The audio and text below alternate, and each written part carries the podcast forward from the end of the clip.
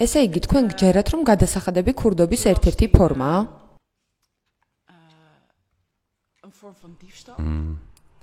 Ნამდვილად. ჩვენ ვიყენებთ გადასახადებს, რათა ყველა მოქალაქეს სერვისები მივაწოდოთ.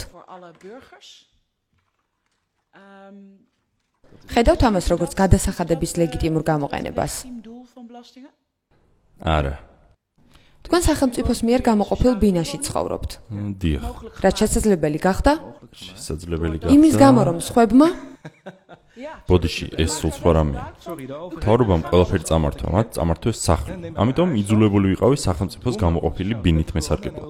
და თქვენ გინდა მითხრათ, რომ მე მადლობელი უნდა ვიყო? მეუბნებით, რომ ისინი იმდენად კეთილები აღმოჩნდნენ, რომ საერთო საცხოვრებელში ბინას მაძლევენ? დადიან თქვენი შვილების სკოლაში. ასეთი არგუმენტი გერმანიის დემოკრატიულ რესპუბლიკაში ჰქონდათ. თქვენ აღმოსავლეთ გერმანიის სახელმწიფოს მიერ უზრუნველყოფილი განათლება მიიღეთ და ახლა გაქცევა გსურთ? თქვენ ანტისოციალურები ხართ. ზუსტად ასეთი ლოგიკა მესმის თქვენგან. ჩემთვის შოკის მომგვრელია, მე უბრალოდ გკითხეთ თუ ამ ყველაფერს იყენებდით. ალბათ თქვენი შვილები სკოლაში დადიან, რომელიც გადასახადებით ფინანსდება. Dat wordt betaald via belastinggeld, vindt u dat? ფიქრობ თუ არა, რომ ეს გადასახადების ლეგიტიმური გამოყენებაა? სიამოვნებით გიპასუხებთ, მაგრამ არ მგონია ა, ეს ამ კომისიის მიზანთან კავშირში იყოს. მაგრამ სიამოვნებით გეტყვით, თუ როგორ ხედავ ამ ყველაფერს. გუშინ ჩვენა გადასახადების მრჩეველი და პროფესორი გვყავდა. Მან ყველაფერი იცოდა საშემოსავლო გადასახადების შესახებ. თქვენს მსგავსად ისიც გზას უჩვენებს და ეხმარება კლიენტებს. მან თქვა: "დიახ, რა თქმა უნდა, გადასახადები უნდა გადავიხადოთ." კარგით, მე გეტყვით ჩემ აზრს. ჩემი ხედვა ასეთია. ყველა ადამიანი ფლობს უფლებებს თავის სხეულსა და საკუთრებაზე.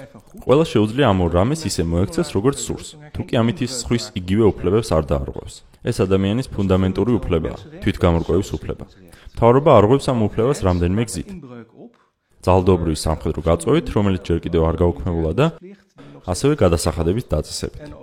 Მე შემოსავალს იმ ადამიანების კონსულტირებით ვიღებდი, რომლებიც იძულებული იყვნენ ძალადობრივ სამხედრო სამსახურში ემსახურათ, რადგან ეს დიდ უსამართლობად მეჩვენებოდა. ეს უდანაშაულო ადამიანების იძულებითი შრომის ფორმაა. როდესაც გაწევა შეაჩერეს, მე ჩემი ყურადღება გადასახადების თავიდან არიდების საკითხს მივაქცია, რადგან იგივე პრინციპებზე დაყრდნობით, მე მჯერა რომ გადასახადები საკუთრების უფლების დარღვევის ფორმაა. უფლებისა ფლობდა შენი შრომის ნაყოფს. პირველი რამდენიმე ათწლეულის განმავლობაში სახელმწიფო იყენებდა ამ ფულს, რათა გაემდიდრებინა თავადაზნაურობა და მეფე. ამის მერე მათ დაიწყეს ამ ფულის გარკვეული რაოდენობის მიცემა ხალხისთვის. ისინი ასაჩუქრებდნენ ხალხს, რათა გადასახადებისთვის ლეგიტიმურობა მიენიჭებინათ, თუმცა ეს გადასახადებს არ აკეთილშობილებს.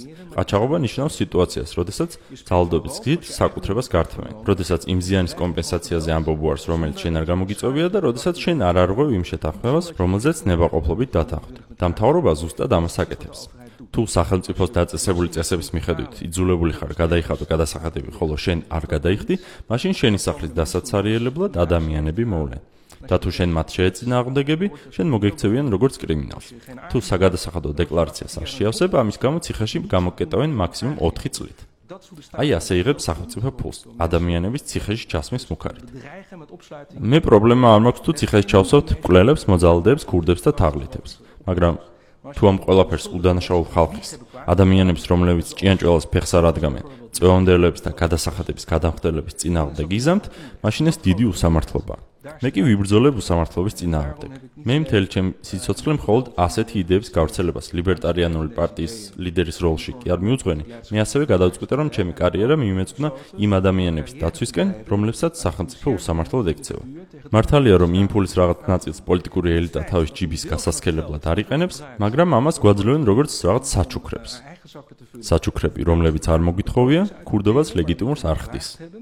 dat is geen legitimatie van roof.